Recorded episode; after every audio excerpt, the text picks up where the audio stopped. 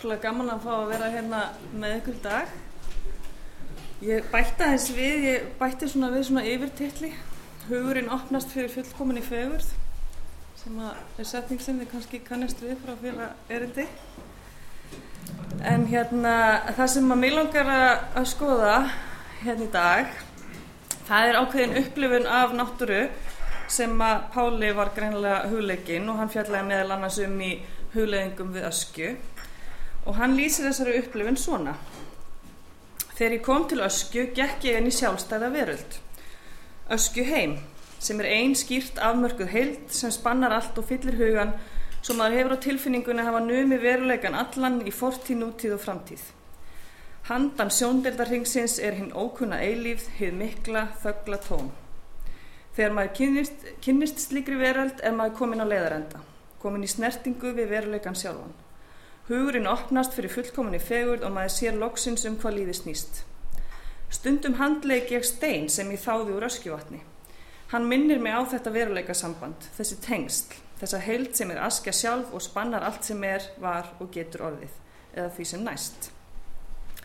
Og það eru þessi orð, hugurinn opnast fyrir fullkominni fegurð sem að mér langar að staldra við og þeir sem að þekki eitthvað til mín og þess sem ég hef verið að gera undanfærin ár, þeir kannski viti akkur ég staldra við þetta en fegurðarhugtækið hefur verið mér mjög hugleikið undanfærin ár en ég fjallaði meðlánans um það í doktorsverkefninu mínu sem að fjallaði um landslag og fagferðilegt gildi þess. En það sem að mér finnst aldrei merkilegt er að þetta er eini staðurinn í hugleggingum við ösku þar sem að hugtæki fegurð er nefnt. Og mér finnst það merkilegt vegna þess að í mínum huga er þessi reynsla sem að Páll er að lýsa fyrst og fremst einmitt upplifin á fegur eða fagurferðileg upplifin á landslægi og, og gildi slíkra reynslu má lýsa sem fagurferðilegu gildi landslagsins við ösku. En hvað er þá fagurferðileg upplifin eða fagurferðileg reynsla og fagurferðilegt gildi og hvað er landslag? Það sem að ég hef komist að í gegnum mína pælingar um fegur og landslag að, og fagurferðilegt gildi er að þetta er allt tengslahugtök landslag er umhverfi skinnjað fagferðilega og þess vegna ég mitt bætti þarna landslagi við í sviga í titilimni sko vegna þess að þessar upplifanir sem að Páll er að fjallum þannig að fjallum upplifin á náttúru og, og, og, og umhverfi að, að um leið og það er ykkur sem að er að skinnja umhverfið fagferðilega þá erum við að tala um landslag. Þannig að landslag sem hugtak að það, þessi skilgreining á landslægi að landslæsi umhverfi skinnjað fagferðilega að hún vísar strax til tengslana á milli þess sem að skinnjar og þess sem að skinnjað er. Og til þess að skilja síðan hvaða er að skinnja fagferðilega þá þurfum við að skilja fegurðarhugtækið fegurð er oft talin felast í svona einhverju huglægu persónulegu mati og, og, og einhverju svona afstæðu mati á útliti eða ásýnd fyrirbæris en þessi skilningur á fegurð hann kemur ekki alveg saman, heim og saman við upplifun okkar á fegurð. Fegurðin eins og hún byrtist okkur í öllum sínum fjölbreytileika er svo langt frá því að vera takmörku við ykkur að léttvæga og ánægilega upplifun af feguru formi.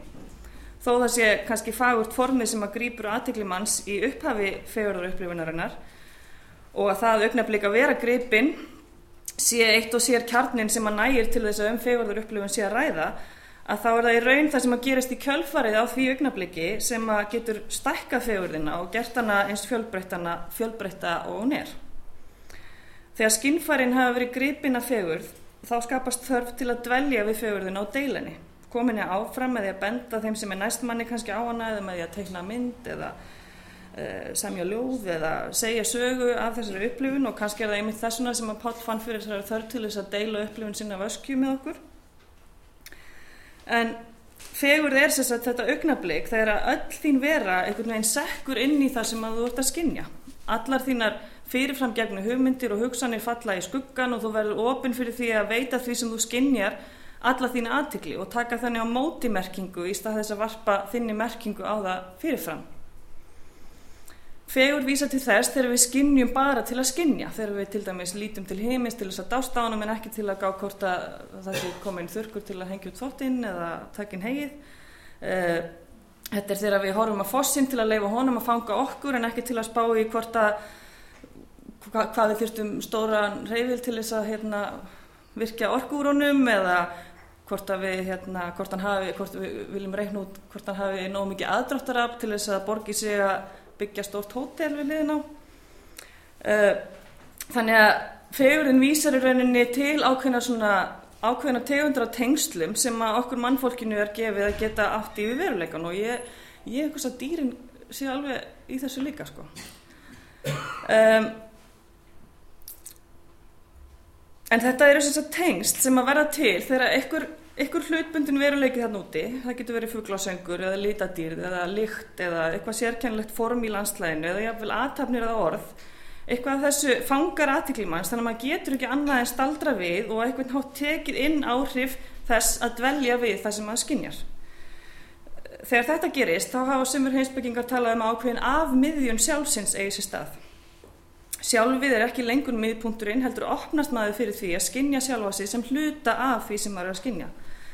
Fegurðið þannig upplifun á tengslum og snýstum það að vera opinn fyrir því að verða fyrir áhrifum af því sem maður skinjar í stað þess að varpa sínum fyrir frágefnu hugmyndum, hagsmunum, skilgreiningum og skoðunum á það.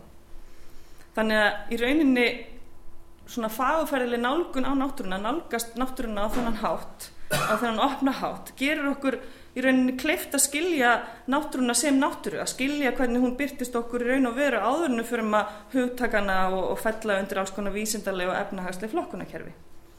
Slík nálgun er þannig fórsönda þess að sjá náttúruna sem sjálfstæðan veruleika sem við getum aldrei öðlast fullkomna þekkingu á nýjilegt að stjórna. Þannig að fegurð hefur líka með ákveðna svona væntumþykju, virðingu og umhyggju að gera og, og það er þessi væntumþykja og tilfinning fyrir landinu sem ég held að einmitt drífi fólk til þess að berjast fyrir vendunas. Uh, þessi djúpa fegurðarupplifun, hún gerur okkur kleift að skinni okkur sem hluta á náttúrunni og gerur okkur grein fyrir því að með því að venda hana erum við að venda okkur sjálf. Okkar líf og lífsgæði eru órjúmanlega bundin náttúrunni.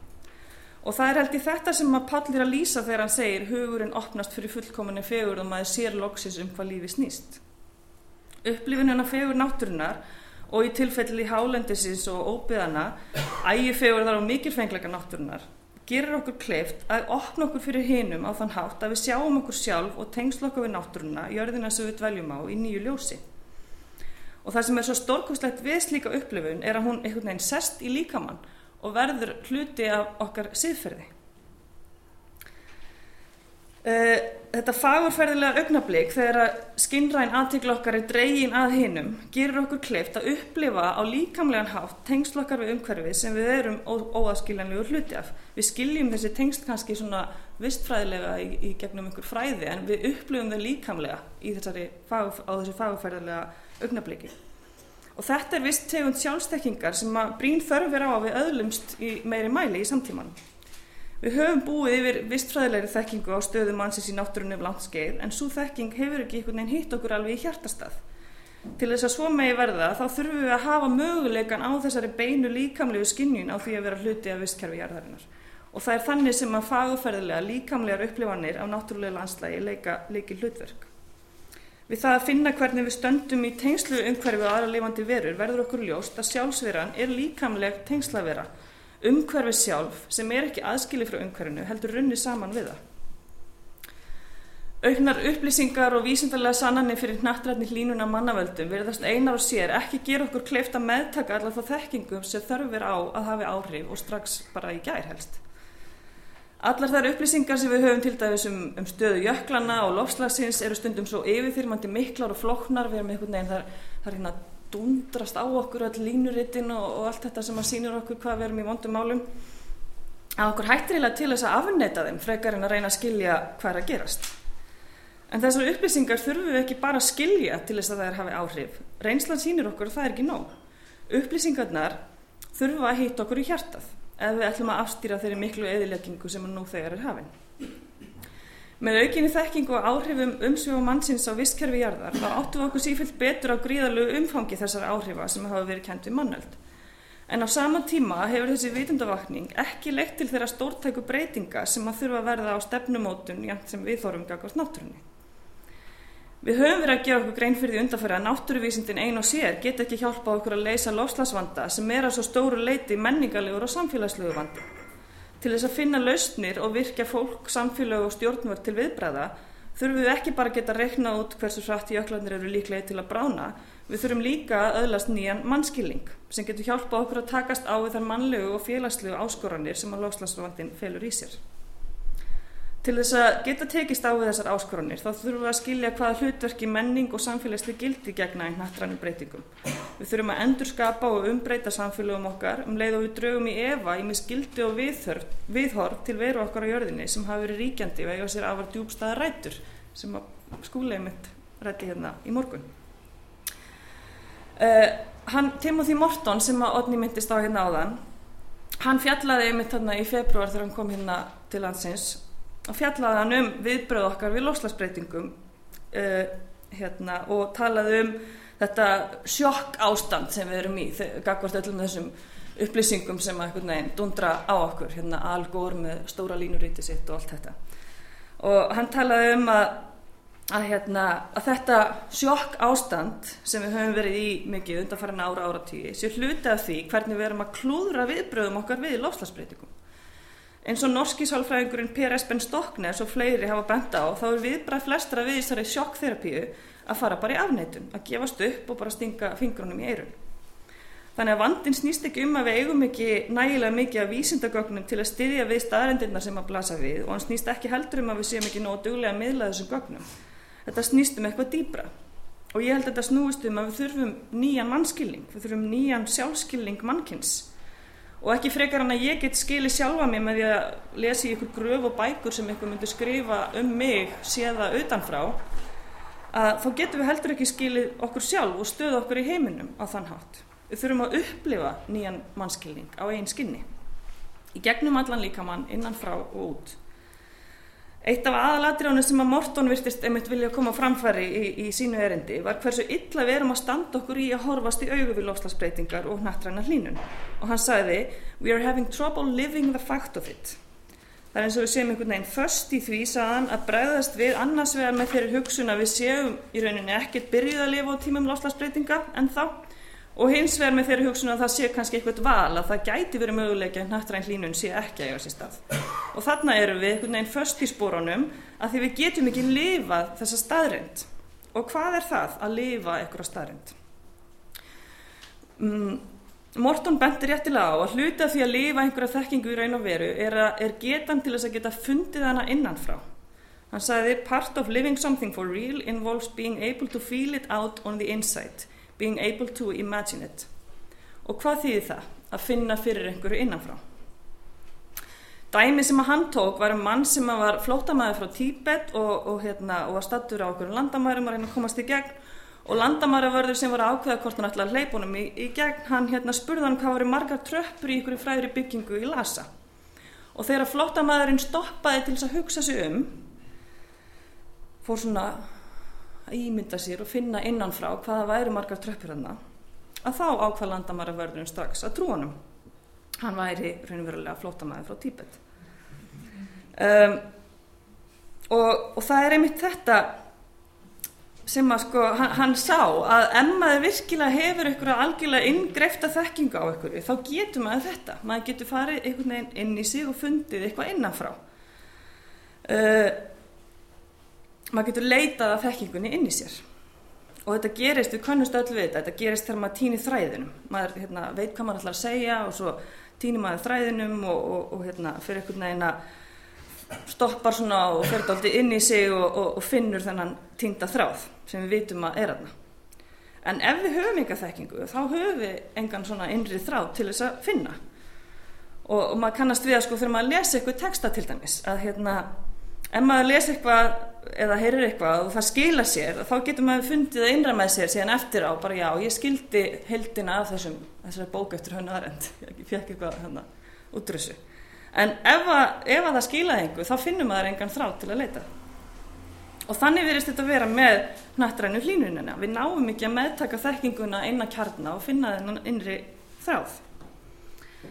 Upplifun Páls af ösku var reynsla sem var settist í líkamanns eins og það satt í líkama flótamannsins frá Tíbet hvað eru margar tröppur í byggingunni í Lhasa. Hann gætt fundi þessa siðferðilegu þekkingu innanfrá eins og hann lýsir í kaplanum andi og óbyðir í náttúrupælingum. Það segir hann, Svo við hverfum aftur að kynnu mínum á ösku þá er bísna ljóst að þau breyttu mér. Ég hugsaði ekki með sama hættu áður. Hugsun mín, hugur minn og andi voru snortin af nýju og óvæntu afli sem átti upptök sín í ösku sjálfur. Þegar ég yfirgaf þann stað hafði ég með mér minjagrip. Lítinn stein sem ég hafði fundið mér til undrunar fljótandi á vatninu í gíkuna. En það sem ég áttaði mér ekki á fyrir en laungu síðar var að askja var jafnframt innra með mér sem nýr og fullkomlega alltækur tilvísunar af mig. Hann sem tók með sér þennan stein, þennan litla hluta af þessu ytra landslægi sem hann skinjaði en áttaði sér svo á því svíðar, kannski þegar hann held á steininum, að askja var líka innra með honum. Hún var ekki bara í þessu ytra landslægi. Hún hafði veitt honum aðgang að nýju innra landslægi líkamanns. Hann gætt skinnjað hana og það sem hún sagði honum innanfrá. Og ég held að hálendið eða óbyðirnar kalli á ákveðna tegund skinjunar og kallar á þessa fagferðilegu skinnjun. Þetta að skinnja bara til að skinnja vegna þess að það er einmitt svo margt að undrast eins og fljótandi steinar á vatni. Það er svo margt sem að dregur aðtiklina að skinnfærunum og þegar að aðtiklinni dregin að skinnfærunum að þá stillist maður ósjálfur átt inn á þessa tegund skinnjunar. Og það sem að gerist þegar við leifum allir í aðtiklinni að fara inn í skinjunina, inn í líkamann, er að það verður einhver svona opnun inn í þetta innra landsla líkamanns. Við förum ósýrlátt að setja fókusin inn í líkamann.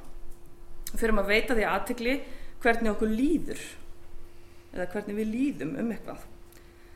Hvernig okkur líður og hvernig ytra landslægið kallar fram einhver svona, já það er rauninni það að hvað ytra landslægi kalla fram sterk viðbröð sem að hérna, tóður okkur í þennan fókus inn á við. Og við byrjum svona að fókusera á ytra landslægið og sjá hvernig það er að láta okkur líða. En svo þegar við erum búin að skanna öll smáadriðin í kringum okkur að þá hættum við kannski að veita þeim öllum aðtikli en höldum samt áfram að vera með aðtiklina á þessari líðan. Og við byrjum að skanna þetta innra landslag. Innræða aðslag þess hvernig okkur líður akkurat núna, hvað við erum að skinja akkurat núna og hvað við vitum á þessu augnabliki og eftir vil hvað er mikilvægt fyrir okkur á þessu augnabliki. Og það sem að gerist í þessari kannun er að þegar rýmið opnast, þetta innra rými, allt hverstars amstur hverfur og hugurinn tæmist einhvern veginn um stund, að þá fara hugsanir, minningar, myndir, hugmyndir, einhvern veginn að poppa upp í hugan. Allar þessar hugsanir og minningar og myndir getur við séð fyrir okkur kannski eins og svona setlög í líkamannum setlög og setlög ofan, hárfínir þræðir, lag eftir lag sem að vefjast saman og líki líkamann. Og hvað er í þessum setlögum? Allt sem við höfum skinnjað áður. Þegar við fáum þetta einra rými til að kanna einra landsla líkamanns að það fái tækifæri til að skoða alla þræðina, hvert setla fyrir sig og hvernig þau tengjast. Alveg eins og þegar við göngum um landslægið og nefnum það sem við sjáum í kringum okkur eða reynum að spá í hvað það er, hvaða sögu það hefur að segja, þá gerum við það sama þegar við skoðum innra landsla líkamanns. Við berum kannski strax kennsla sumt sem við finnum þar en þurfum að skoða annað nánar og heyra sögur þess. Sem skinnjandi og hugsandi verur eru við þannig byggð að hugsanir, minningar, myndir, hugmyndir byrtast í huganum þegar aðtiklu okkar beinist að þessu innra landsla í líkamanns. Þetta eru viðbröð sem við tjáum stundum þegar við segjum upphátt hvernig eitthvað lætur okkur líða eða skrifum það niður, skrifum niður það sem við hugsum, viljum deila því með öðrum en annars setjast þessi viðbröð bara ósögð í líkamann sem setlag eða þráður sem skapar heiltina í því sem það er að vera ég og vita það sem ég veit. Það sem að áhersla Páls á náttúru upplifun beinir aðtiklokkar að er einmitt að við erum líkamar. Og eins og hann sagði í viðtali sem að byrtist í hug 2015 þá eru við andlegar, efnislegar og líkamlegar verur í senn. Óaðgreinanlegar í þeirri merkingu að við getum ekki skilið hugan, hugmyndirnar og hugsanirna frá líkamannum. Ég er minn einn líkami um leið og ég er þessi hugsandi vera í líkama mínum, sagðan. Það sem við getum lært að mínum mati með því að skoða nánar hvað fælst í fagferðleiru upplifuna landslægi er einmitt þetta hvernig líkaminn og aðstæðina tilfinningin sem hann setur okkur í á hverju augnabliki er uppspretta allra hugsana, hugmynda og gilda. Pál notar einmitt þetta hugtak aðstæðina tilfinning í merking og tilgjangi til að lýsa því hvernig raunveran hefur alltaf þegar fundið til sín Henni líður vel eða illa á meða hlutana, finnur til aðstæna sína. Og hann segir líka aðstæna tilfinningin táknar stöðu okkur í heiminum sem upprunalegt mót við heimin og sjálf okkur. Þetta mót er grunnrun að tilfinningarlífi okkar. Og með öðrum orðum, aðstæna tilfinningin er bakgrunnur tilveru okkar, hún táknar eina grundvallar vitt mannleira tilveru. Í mínum huga er aðstæna tilfinningin þetta innra landslag líkamanns. Hún vísa til þess hvernig ytra landslægi sem við skinnjum endurómar innra með okkur í okkar innra landslægi. Og það sem að mér tókst að skilja í, í dóttorsverkefninu mínu með hjálp fyrirbarafræðinar og Mörl og Ponti sem að Pállið mitt kynnti mig fyrir og ég er mjög þakklátt fyrir er að hugtökin landslag, fegurð og fagfærilegt gildi eru tengslahugtök eins og ég sagði aðan. Þau lýsa ákveðinni tegun tengsla sem okkur mannfólkinu er gefið að geta átt í við veruleikan. Pál lýsir þessum tengslum með því að tala um að eftir þessa upplifun sína af ösku hafi hann mynda nokkus konar félagskap við ösku sem er ólíkur öllum hefðbundum tengslum okkar við náttúruna þar sem við kunnum að upplifa hana einungir sér samansapn auðlinda eða sem vettvang dæra styrtingar og afþreyingar.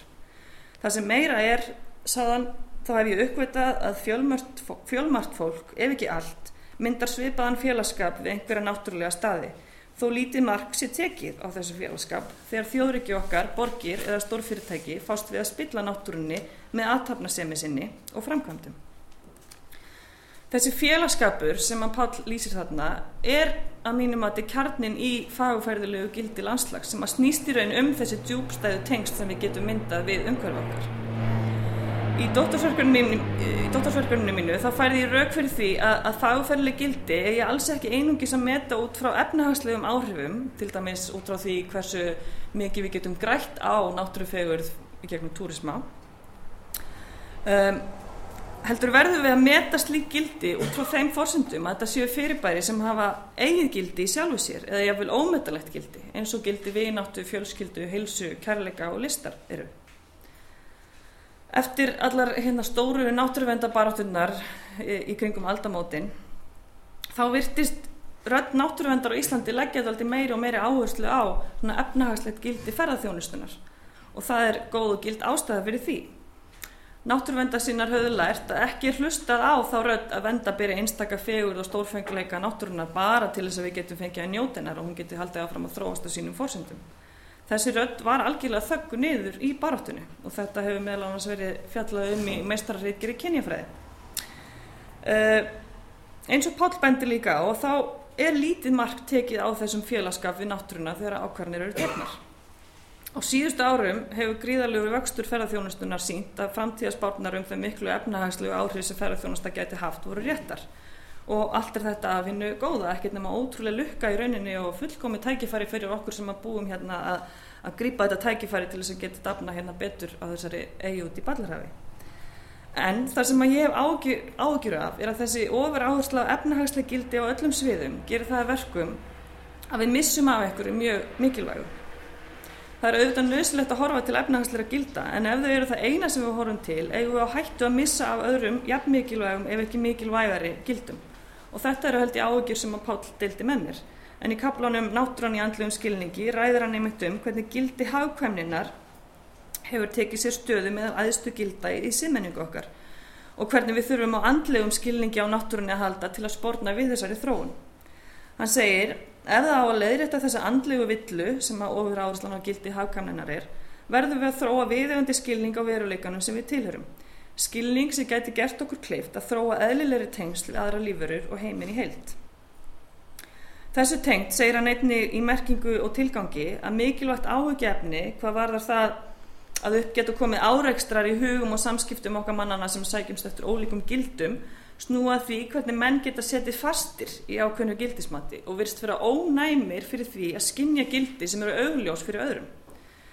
Og í framhaldi af því segir hann einmitt, hér er að sjálfsögðu stærsti áraksturinn á milli þess sjónamiðs að við eigum að nýta okkur náttúruöflin sem allra mest í því skinni að framleiða orku til að fram, framkvæma allskynnsluti og þeirra skoðunar að leggja með í raunhæft mat á fagfræðilegt gildi náttúrunar sem hefur jafnan einni síðfyrirlegt gildi og hafa nýtt til lengri tíma litið. Það sem að ég fjallaði um í mínu verkefni er einmitt hvernig ákvarðan að taka í umhverfsmálum á Íslandi hefur verið först í ákveðnu gildismati mati sem er ófært um að taka til greina gildi sem að ég held að séu augljós flestum. Með gildi hafkamninar og áhersluna á mælanleika allra gilda að leiðaljósi höfum við í þeim mikilvægu ákvarðunum sem við höfum verið að taka í orkunýtingamálum til dæmis algjörlega hundsað fagufærilegt gildi landslags. Gildi sem er okkur flestum augljós þegar við hugleðum reynslokkar en er ekki alveg eins augljóst hvernig við ættum að fara því að mæla. Enda eru þetta ómælanleg, ómetanleg gildi eins og gildi vináttu ástar. Ég segi með Páli, við eigum að viðurkenna þá dölúð sem umlikur þann mikla og óandarlega kraft sem er að verki í náttúrunni og við upplifum þegar við stöndum frammi fyrir ókveikjandi náttúrufegur eins og ég hef líst í reytsmíminu um ösku og víðar. Hér er ekki um að ræða viðurkenningu eða trú sem lítur að einhverju guðleiri veru eða verum, heldur snýst hún um afl sem er að vissuleiti af samatóga og kærleiksafli sem ég hef áður rætt um, en er samt algjörlega óháð allri trú og öllum kærleika. Náttúran er ekki kærleiksík, hún er miklu fremur blind orka sem engu eirir ef því er að skipta og er öldungis miskunalaus eins og við Íslendingar höfum margsinnis reynd. Þess vegna eigum við líka að sína náttúrunni þá virðingu sem hæfir hennar óendanlega afli. Svo virðing væri öðru fremur fólkin í því að móta með okkur það sem ég hef leift mér að kalla andlegan skilning á náttúrunni. Þannig tel ég aðstæður okkar í dag mæla eindreiði með því að við setjum gildi náttúrunar, víðarnin og óbyðirnar í sérstakann forgang. En það sem ég vil bæta við er að til þess að við getum öðlast andlegan skilning á náttúrunni og sett gildi víðarna og óbyða í forgang, þá þurfum við að setja fagferðilegt gildi landslags í forgang.